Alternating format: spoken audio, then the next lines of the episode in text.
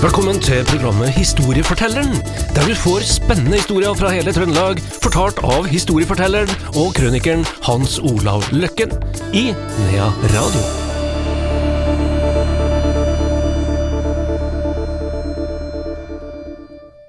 Velkommen tilbake til Historiefortelleren her i Nea Radio. Hans Olav Løkken er vår historieforteller. Velkommen til deg også, Hans Olav. Ja, takk. takk. Eh, Vi starter vel med hva skal vi si, utgangspunkt i Skattevalg i dagens historie. Det skal vi gjøre. Vi skal møte en som het eh, Kasper Skjerve. Skjerve-familien. Eh, Ute på Skatval. Og eh, er, eh, etterkommere av han igjen da, bor da i dag på Sørlandet. da. Og sønnen hans er da en god venn av en kollega med, og via den veien så fikk jeg tilsendt denne historien, eh, som eh, han herre Kasper Skjerve på en måte har skrevet ned sjøl om sitt liv, fra han dro til sjøs og til han ble pensjonert, da. Og vi skal møte han da først klokka 5.50 den 18. april i 1945. Da er han i lag med en kompis. De var om bord på en eh, båt som heter MS Karmt. Jeg vet ikke om jeg har skrevet feil, men jeg har sjekka det. Den noe Karmt, da. K-R-M-T. Det er mulig at det er noe lokalt greier. Han er i hvert fall om bord på den båten. Eh, da var han skytter på den båten. Og oppdraget hans akkurat i det øyeblikket var at de har vært og, og, og vekt opp byssefolkene for matlaging. Så går han altså bakover og passerer kanoner som en på en måte er hast. Han er jo skytter der. Og det neste en oppdager, er jo at alt sammen bare eksploderer rundt den. Det blir helt stille, for at hørselen blir jo slått totalt ut av en. Han registrerer at hele kanona løfter seg, og på en måte kommer mot den. Og han var helt sikker på hva som skjedde. Torpedering. Det var den første tanken, det skriver han jo òg, at jeg var helt sikker på torpedering, og at nå var min tur kommet til å dø. Men han datt ned igjen på det her dekket, og han overlevde. Og torpederinga skjer her altså ute i Den engelske kanal. Så her lå det en tysk ubåt. Ja, der var det, lå det en båt og tok den. Og husk på datoen igjen, 18. april 1945. Det var ikke lenge igjen. Det visste jo ikke folk da, ikke sant? Men det var det tredje, tredje siste norske skipet som ble tatt av. Som var nære på her. Men han hadde blitt torpedert før, skjønner du. For da han vokste opp på Skatval, så var han jo blant de her eh, ungdommene som vi har i alle generasjoner og i alle bygder og alle byer, som ble luta lei på det ene og andre, og så dro de til sjøs. 16-17 år huska husker jo folk fra min egen bygd, de dro jo, kom tilbake og hadde så mye penger at det var en som eh, tok drosje fra Domås til, til Trondheim, men han tok to drosjer som la hatten sin i den ene, og så satt han sjøl i den andre. Der. så det, men, jo, men jeg husker de folka som kom med så mye penger og sånn, altså. Bare hurragutter, vet du. Hurragutter. Men det ble folk av å møte disse folkene der, altså. Absolutt. Jo da, så vi møter han da, hvor han er da i eh, vanlig, vanlig uh, Begynner på bunn. Begynner på bunn, og hans liv skulle bringe han så høyt det går an å komme, da. Men han begynte, begynte på, på, på bunn der, straks før krigen, og skjønner da ingenting hva som plutselig skjer. De får høre at det er krig. Plutselig så, For de hører at Norge er angrepet, at, sånn, for da var det flere om bord som sa til skipperen at nå vil de til Norge og slåss. Men skipperen klarte jo å roe dem ned, og det blir jo enda mer confusion, altså eh, bråk, da, når de den 22. april får beskjed om at de har fått nytt, at de havna i nytt rederi, Nordship. Altså, regjeringa finner jo på den her enorme avgjørelsen på Stuggeflåten på Lesja, vet du, under et statsråd, at de nå skulle gi hele den norske flåte til engelskmenn, i, nesten bokstavelig talt.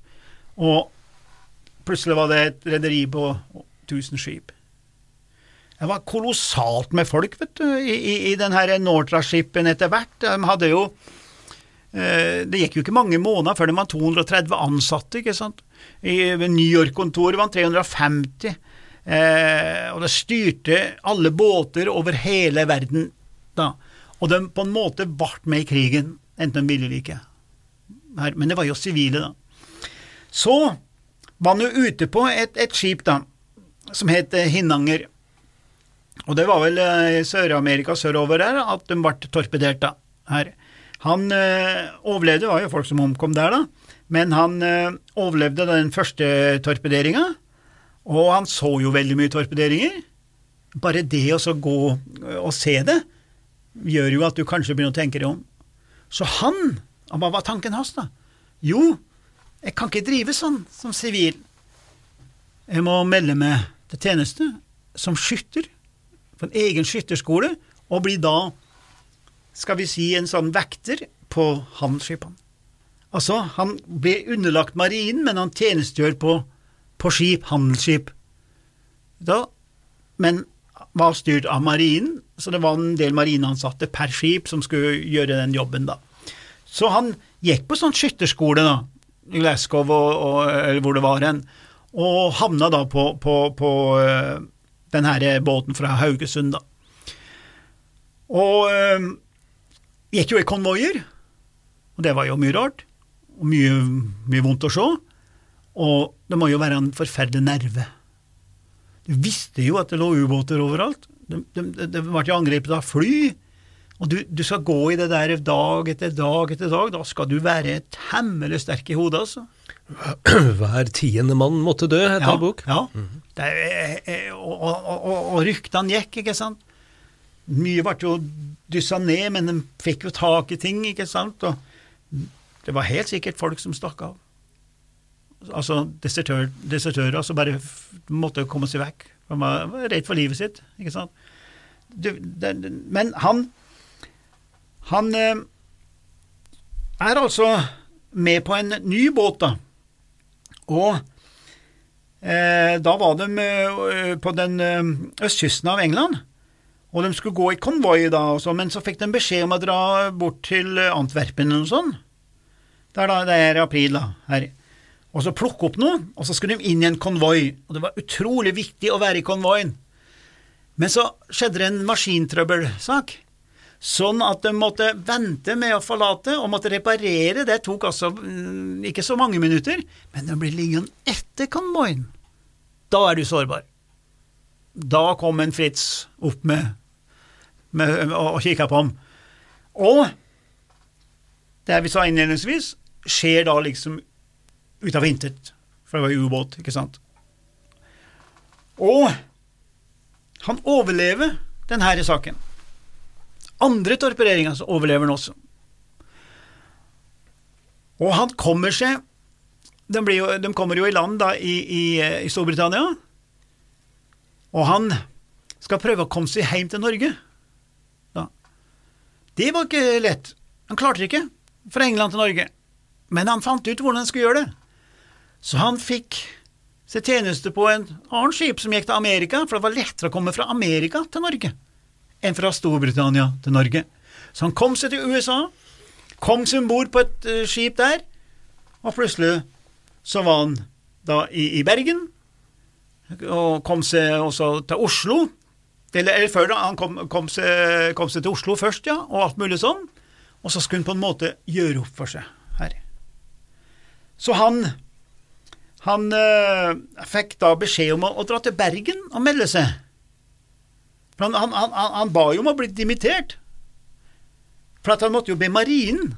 Det var ikke handelsflåten, han var jo også marineansatt, han, vet du. Så han spurte om han kunne nå få dimittert og dra hjem. Kanskje i hvert fall få perm til å dra hjem, da. Han har jo bare blitt torpedert to ganger og vært borte i seks år. vært borte i seks år og torpedert to ganger og sett bare død. Og så vil han hjem til Skattvarentur. Nei, sa Marin, du skal ta til Bergen, du. Og han kom til Bergen og ble satt på noe vakttjeneste, så ble han plutselig innkalt til et forhør, da. Og der ble han dømt i forhøret. Da det var eh, fengsel i ti dager, subsidiært 50 kroner.